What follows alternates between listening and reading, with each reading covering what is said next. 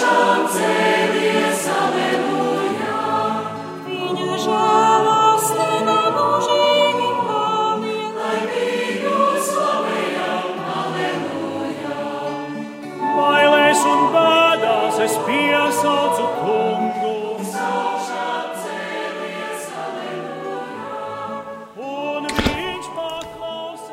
Lai top slavēts Jēzus Kristus, esiet sveicināti, darbie radioklausītāji.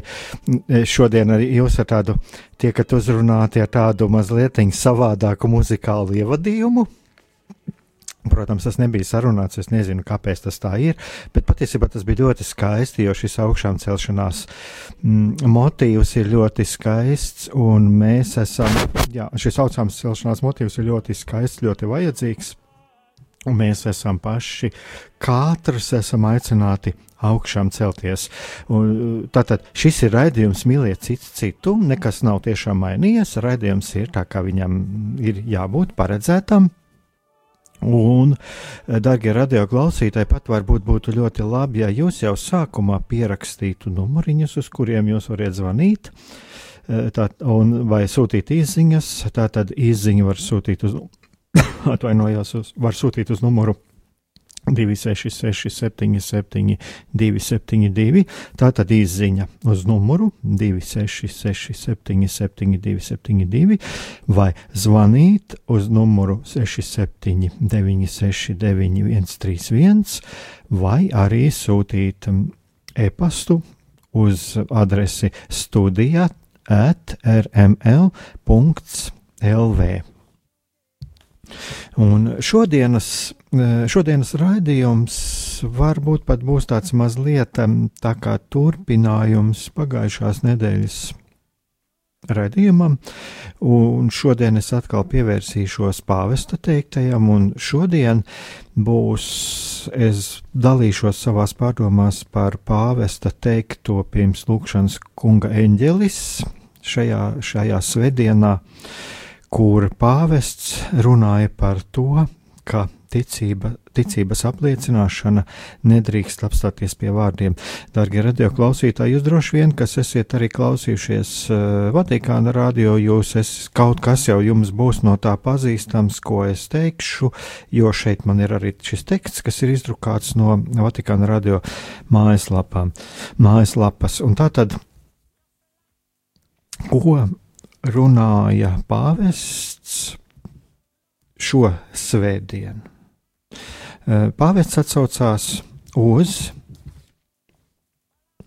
evaņģēlīju vārdiem, uz Marka evaņģēlīju, par, kur šis ir šis apraksts, kā kā Jēzus un viņa mācekļi izgāja no Filipa Cēzares ciemiem, ciemiem un tad sarunājās ar mācekļiem, un kur Jēzus saviem mācekļiem jautā, ko ļaudis saka par mani, ko ļaudis saka mani esam. Un tad pāvests apskata arī šīs, at, šīs atbildes. Un ko saka Pēters? Apustulis Pēters atbildēdams uz to saka, tu esi Kristus. Un pāvests šo, šo gadījumu, šo notikumu, evanģēlijā aprakstīto notikumu tieši arī pārdomā. Un ko saka pāvests? Pāvests uh, saka, ka Jēzus uzdod šo jautājumu par savu, tātad Jēzus uzdod mācekļiem šo jautājumu par savu, tātad par pašu Jēzus identitāti, un viņš, kā pāvests apgalvo, viņš tiem pakāpeniski palīdz saprast līdz galam. Viņš palīdz tātad, Jēzus palīdz saprast mācekļiem, nu kas tad ir šis Jēzus, kas viņš ir. Un um, pāvests runā par to, ka Jēzus apzinās, ka mācekļi ir jau ļoti jutīgi pret sava skolotāja, tātad pret paša Jēzus popularitāti. Un savā ziņā, kad es arī vakar pārlasīju šo šo tekstu, ko, ko domā pāvests, ko saka pāvests, man savā ziņā tāda sajūta bija, ka šis Jēzus darbība parāda, ka Jēzus darbojās kā tāds ļoti labs garīgais tēvs, kā tāds garīgais vadītājs, kurš ļoti, ļoti saudzīgi ar tādu ļoti lielu pietāti pret šiem saviem mācekļiem, viņus vēd tuvāk sev. Jo pēc būtības jau Jēzus varētu stāstīt, stāstīt daudz un plaši sev un, un, un rādīt brīnumus un dziedināt, eh, kas, kas arī, protams, bija. Bet eh, kaut, kā ziņā mēs, kaut kādā ziņā mēs arī šeit redzam, ka ar to nepietiek. Un tāpēc Jēzus palīdz saprast. Jēzus palīdz mācekļiem saprast par, pats par sevi. Un, ja mēs atceramies arī šo, šo Jēzus mācekļu jutīgumu pret skolotāju popularitāti, tad mēs redzam ļoti daudzus šos gadījumus. Arī evanģēlijā viņi ir atainoti, kur mācekļi strīdās, kur viņi sēdēs Jēzum pie labās, pie kreisās rokas, kādu vietu viņi ieņems Jēzus valstībā. Kur um, mācekļiem ir. Mācekļi ļoti vēlās kļūt, uh, būt blakus Jēzum, un, un man ir ļoti tuvs šis uh, svēto rakstu fragments par aklo Bartimēju, kur um, Jēzus mācekļi vēlās būt blakus savam skolotājam, bet te atkal mēs redzam, ka Mm, viņi vēlās būt komfortā, un tas Bartemējs, kas sauc ceļa marā, malā Jēzu, Dāvida dēls apžēlojies par mani, mācekļi šo, šo Bartemēju apsauc. Jo pēkšņi šajā komfortā, šajā labsajūtā, kas ir kopā ar Jēzu, parādās kāda cita balss. Un tad, kad Jēzus kā autoritāte saka, lai mācekļi pasauc šo aklo cilvēku, tad arī šie mācekļi paklausa. Bet man vienmēr ir jautājums, kāpēc? Un tāpēc arī šeit es redzu, ka arī pāvests to arī saka, ka Jēzus apzinās, ka mācekļi ir jūtīgi pret skolotāju popularitāti. Un, protams, Jēzus ir viņiem autoritāte. Oh,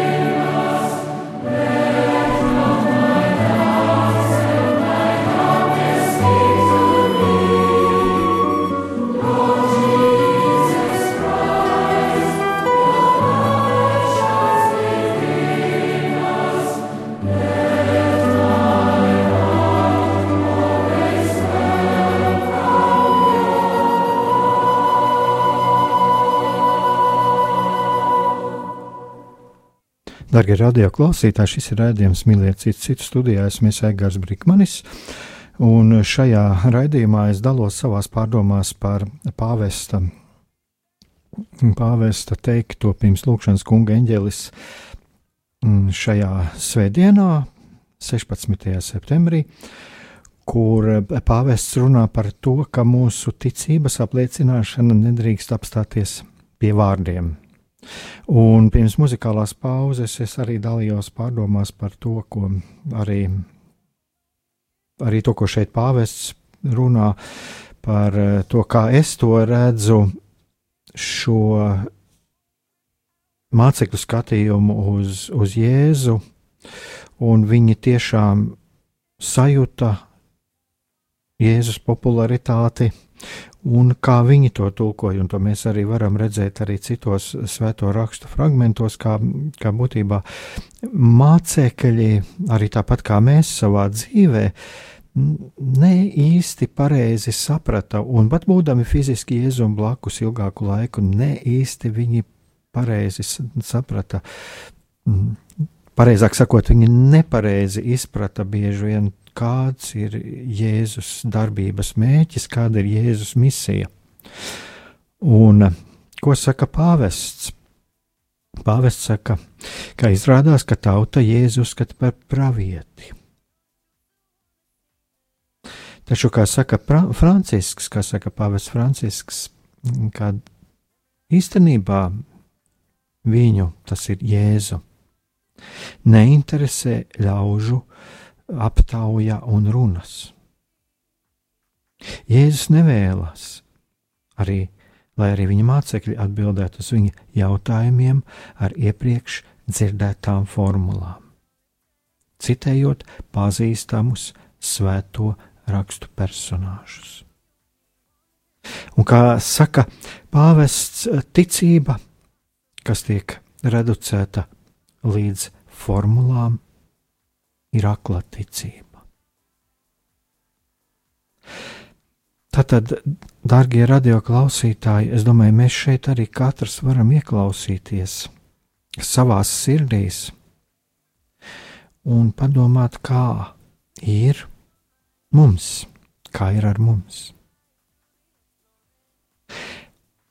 Kāda ir mūsu ticība un kā tā izpaužas?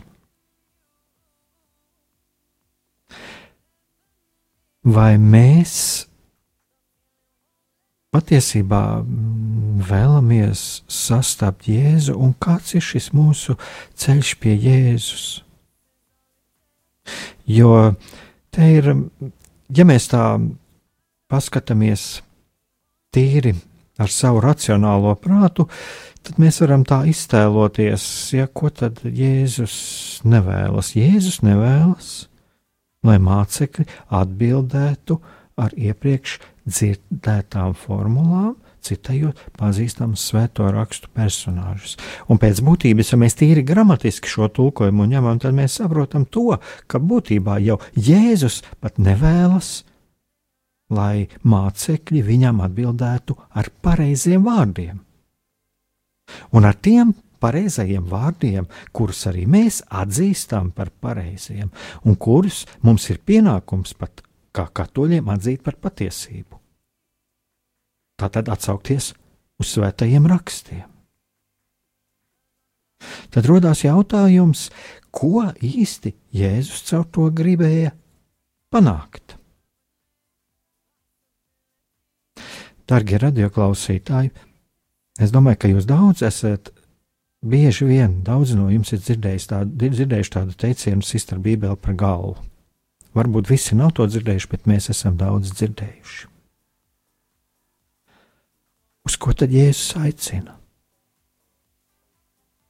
Uz ko viņš aicina, ja viņš pēc būtības viņš nevēlas, viņš nevēlas, tātad viņš nevēlas arī, lai mēs uz savā aicinājumā savā vietā, kur mēs tagad esam, katrs. Viņš arī nevēlas, lai mēs atbildētu ar precīzi formulētiem vārdiem. Tātad viņš patiesībā pat īsti nevēlas, lai mēs atbildētu uh, ar svēto rakstu vārdiem vai ar katehisma vārdiem. Es šeit nerunāju par uh, dažādām situācijām, kur kādreiz, jā, mums ir kādreiz ir pienākums atsaukties uz katehismu vai uz svētajiem rakstiem, jo, nu, ja mēs piedaram pie baznīcas, tad tas ir tas, uz ko mēs balstamies. Bet kur ir šis brīdis, kur ir šis brīdis, kad Jēzum ar to nepietiek? Darbie radioklausītāji, es domāju, ka mēs katrs šobrīd varam sev uzdot šo jautājumu. Kur ir šis brīdis? Kāpēc Jēzus atsevišķos, atsevišķās situācijās nevēlas, lai mēs uzdot, lai mēs atbildētu viņam ar šīm precīzajām, pēc būtības pareizajām formulām, ar pareiziem vārdiem.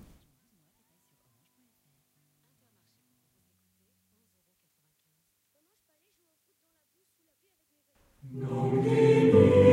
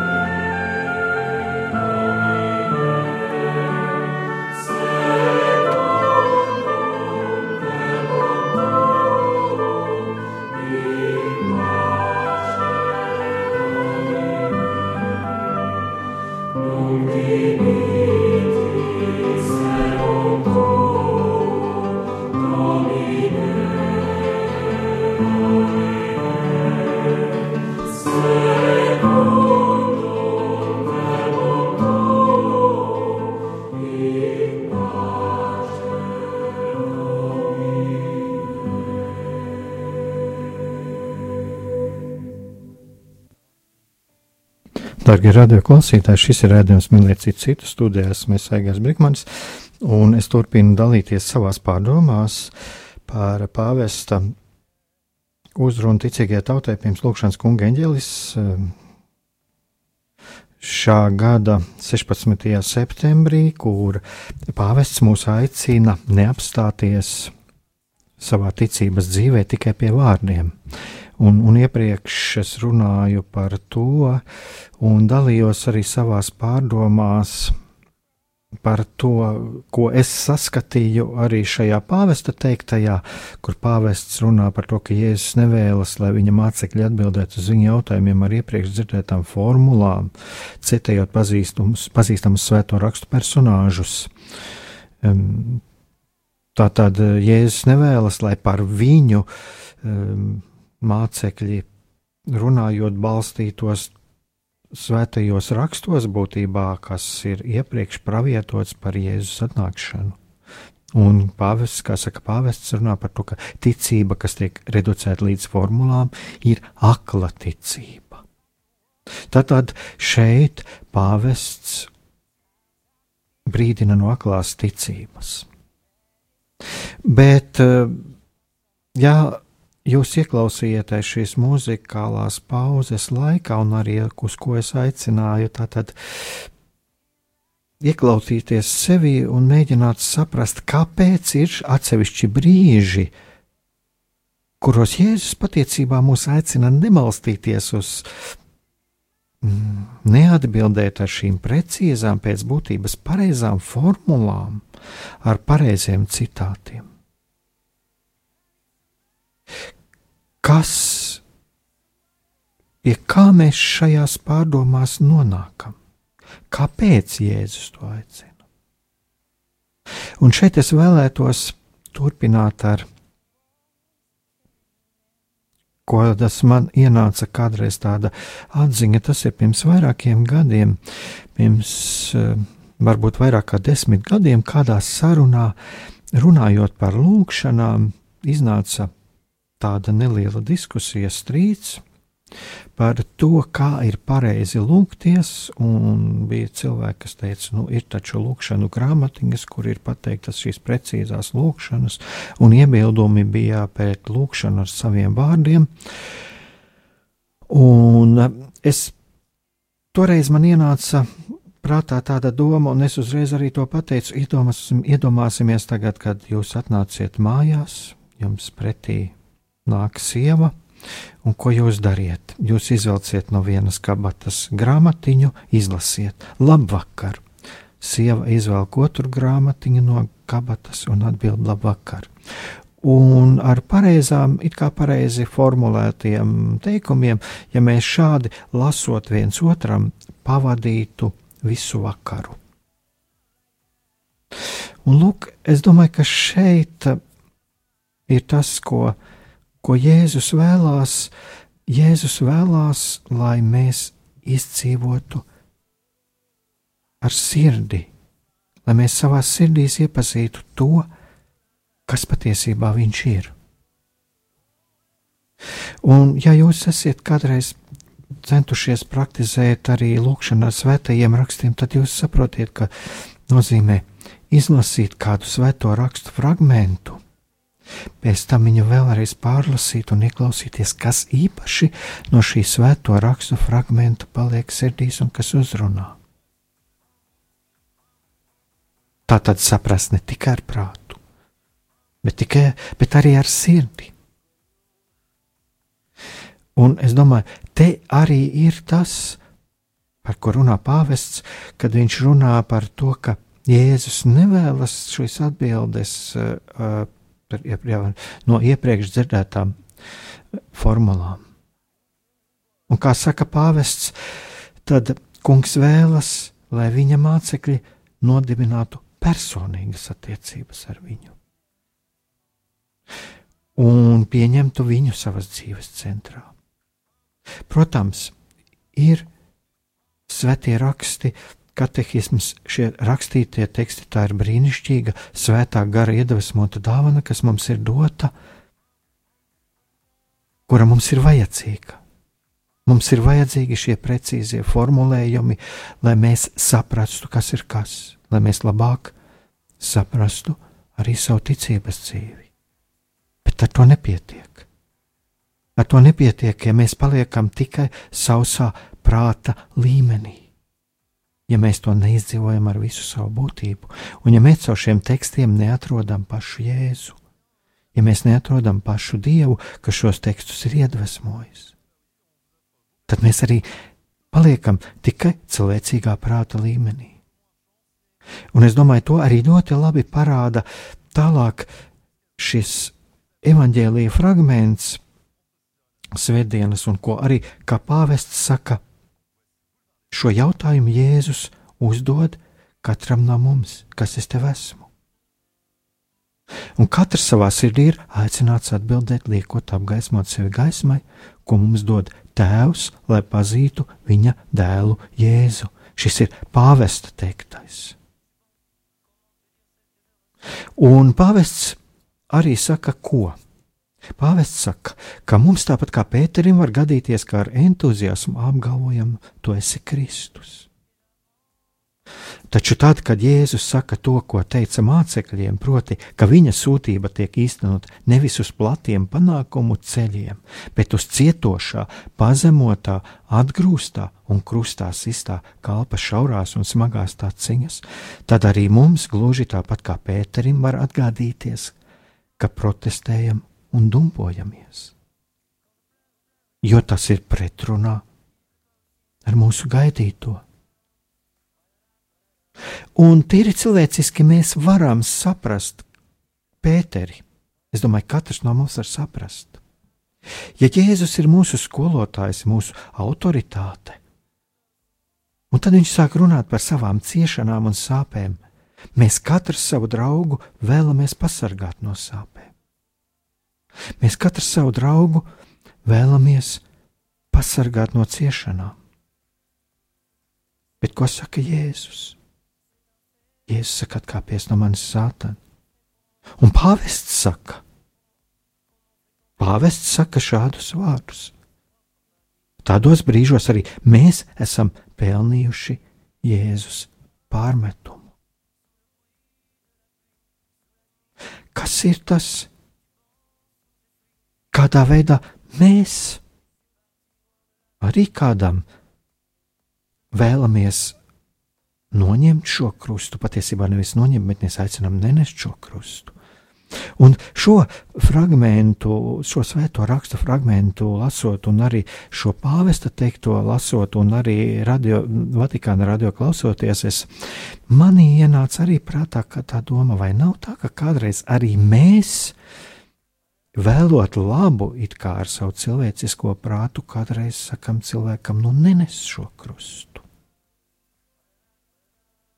bet šis krusts ir vajadzīgs kādam labumam, kaut vai, kaut vai laulāto attiecībās. Kaut vai laulāto attiecībās, lai izietu viens pretim otrā ar dialogu, vecāku un bērnu attiecībās. Cik bieži mūsu egoisms ņem tik tālu virsroku, ka mēs aicinām būt egoistiem arī citus.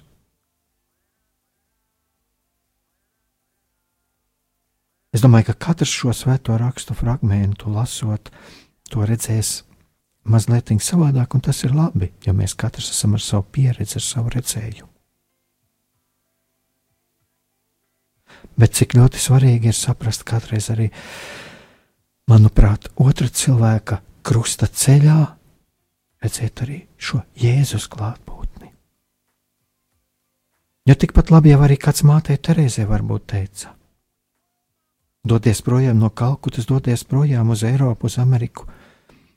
Tur tev būs labāki apstākļi. Bet māte Terēze palika tur, Kalkutā, pie tiem, kam tas ir visvairāk vajadzīgs, un upurēja sevi, upurēja savu dzīvi, deva viņiem. Un varbūt šeit mēs arī varam tādā veidā saprast šo upuri, ko mūsu pašu līdzcilvēki nes līdzinoties Jēzumam.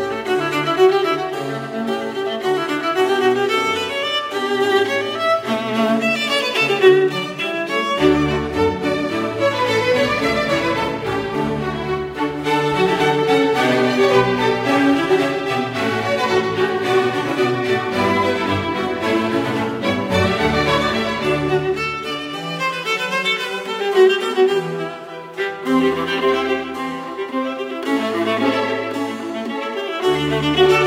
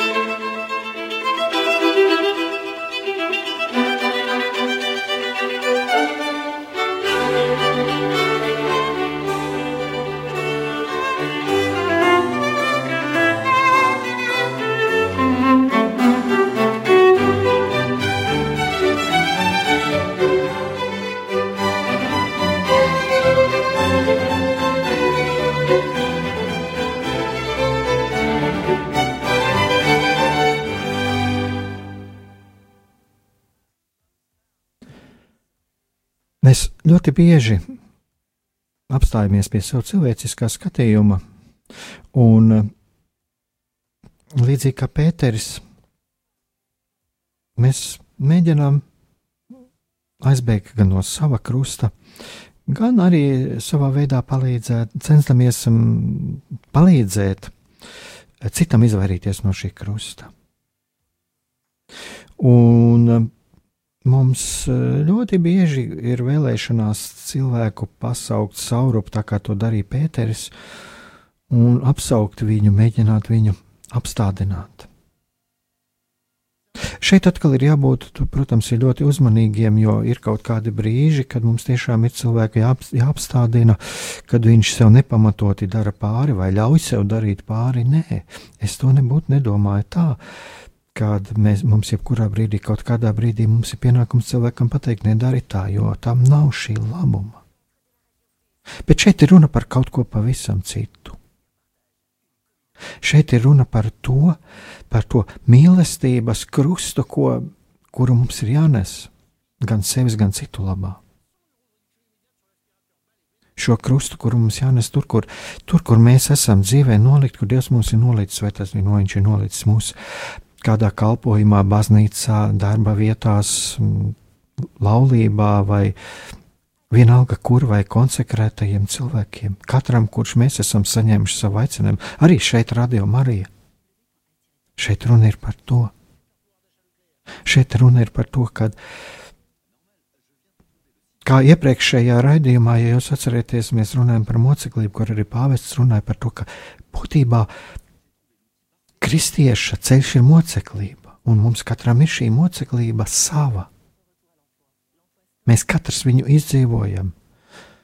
Un, ja mēs no viņas cenšamies aizbēgt, mēs nodarām patiesībā ļoti lielu ļaunumu sev. Un tas nav tas kaut kāds, ko, ko mēs nevarētu nest. Jēzus neuzliek, Dievs neuzliek to, ko mēs nevaram panest. Šī moceklība tā var būt mūsu pašu ikdienas dzīvēm kura mums jānes ar pazemību un pacietību, kur ir gan grūtāki, gan priecīgāki brīži. Lūk, es domāju, par to, par to es runāju, bet šeit, atgriežoties pie tā, ko, ko runāja pāvests, es domāju, mēs katrs varam saprast, un es arī ļoti labi, pats es vismaz ļoti labi saprotu Pēteri, kā viņš tajā brīdī jutās. Bet Jēzus kā tāds, būtībā kā tāds mīlošs tēvs, bērnu šajā brīdī Pēteri apsauca, bargi apsauca. Jo tas, ko Jēzus vēlējās darīt, tas bija mīlestības upuris. Tā nebija kaut kāda mazotis, ma, mazohistiska sevis ziedošana, tas bija mīlestības upuris citu labā. Un tas ir tas, uz ko mēs esam aicināti. Kā jau pagājušajā nedēļā runājām, ne jau tas mums ir tas asiņainais upuris, kas bija jānes Jēzum. Pamatā jau, pamatā jau tā ir tā mūsu moceklība arī ikdienā. Un, protams, mums ir jālūdz žēlastība, ja mums nāk kādi brīži, kur mums pat sava dzīvība jāupurē, lai mēs būtu to gatavi. Bet pašos pamatos tā ir mūsu dzīve, ko mēs izējām, iznesam uz saviem pleciem katru dienu. Pirmkārt, jau otra, tuvākā labā, kas ir ceļš pretim mūsu svētumam. Un lūk, ko saka pāvests. Ko saka pāvests par ticību? Lūk, šeit pāvesta vārdi. Ticības apliecināšana Jēzum Kristum nedrīkst apstāties pie vārdiem, bet tā ir jādara autentiska. Pamatojoties uz izvēli un konkrētiem žestiem, kā arī uz dzīvi, kā vada mīlestību, mīlestība uz Dievu un tuvāko. Lai sekotu Jēzum, lai būtu viņa mācekļi, viņš mums liek atteikties no sevis, proti, no savas egoistiskās lepnības pretenzijām un ņemt savu krustu. Tad viņš visiem dod fundamentālu regulu. Kas gribēs savu dzīvību izglābt, tas to pazaudēs bet kas pazaudēs savu dzīvību manis un evaņģēlīja dēļ, tas to izglābs. Lūk, arī šie vārdi, kuri mūs bieži vien var samulsināt. Ja mēs esam aicināti, ja mēs runājam par dzīvības svētumu, bet šeit mēs lasām, kas savu dzīvību grib izglābt, tas to pazaudēs. Bet kas manis un evaņģēlīja dēļ to pazaudēs, tas to izglābs. Un lūk, ko saka pāvests, kā viņš šo komentē. Pāvests saka, lai saprastu šo paradoksu, ir jāatceras, ka mūsu dziļākais pāraicinājums ir mīlestība. Jo esam veidoti pēc dieva attēla, kas ir mīlestība. Lūk, šie ir pāvesta vārdi.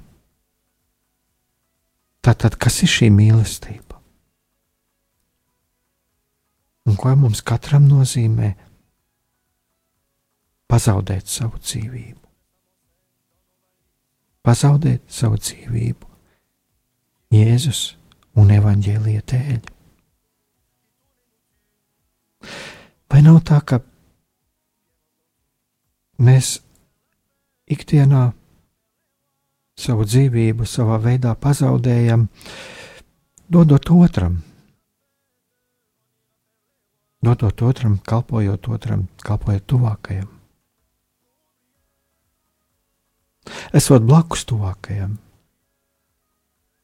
esot blakus tuvākajam un palīdzot viņam atrast ceļu pie Dieva dodot viņam mierinājumu, sniedzot viņam mierinājumu, sniedzot to mīlestību, ko Dievs mūsos ir ielicis.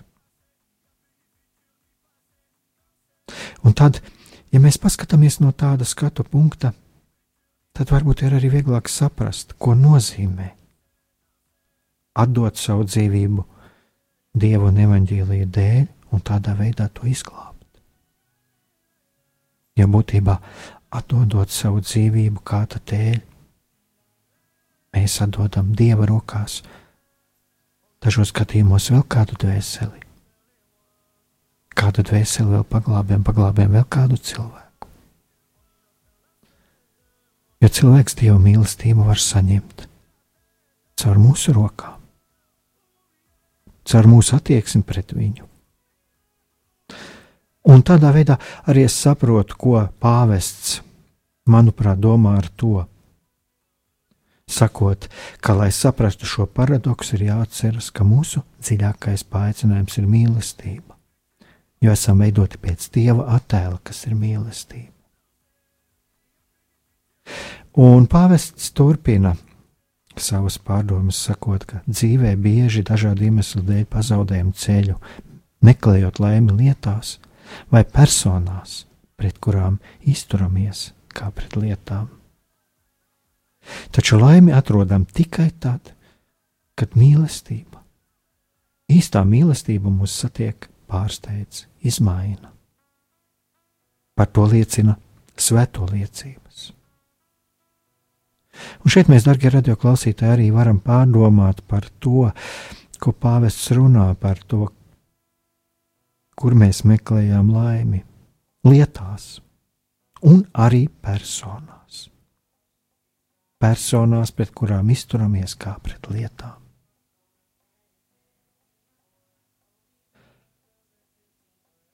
Vai nav bieži tā, ka mēs arī otrā cilvēkā meklējam būtībā labumu sev?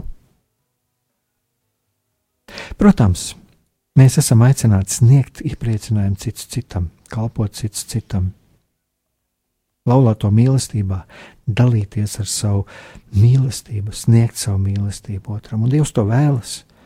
Dievs patiesībā vēlas, lai mēs iepriecinātu viens otru. Dievs vēlas, lai mēs katrs būtu otra cilvēka iepriecināti. Bet šeit ir cita lieta, par ko pāvests brīdina.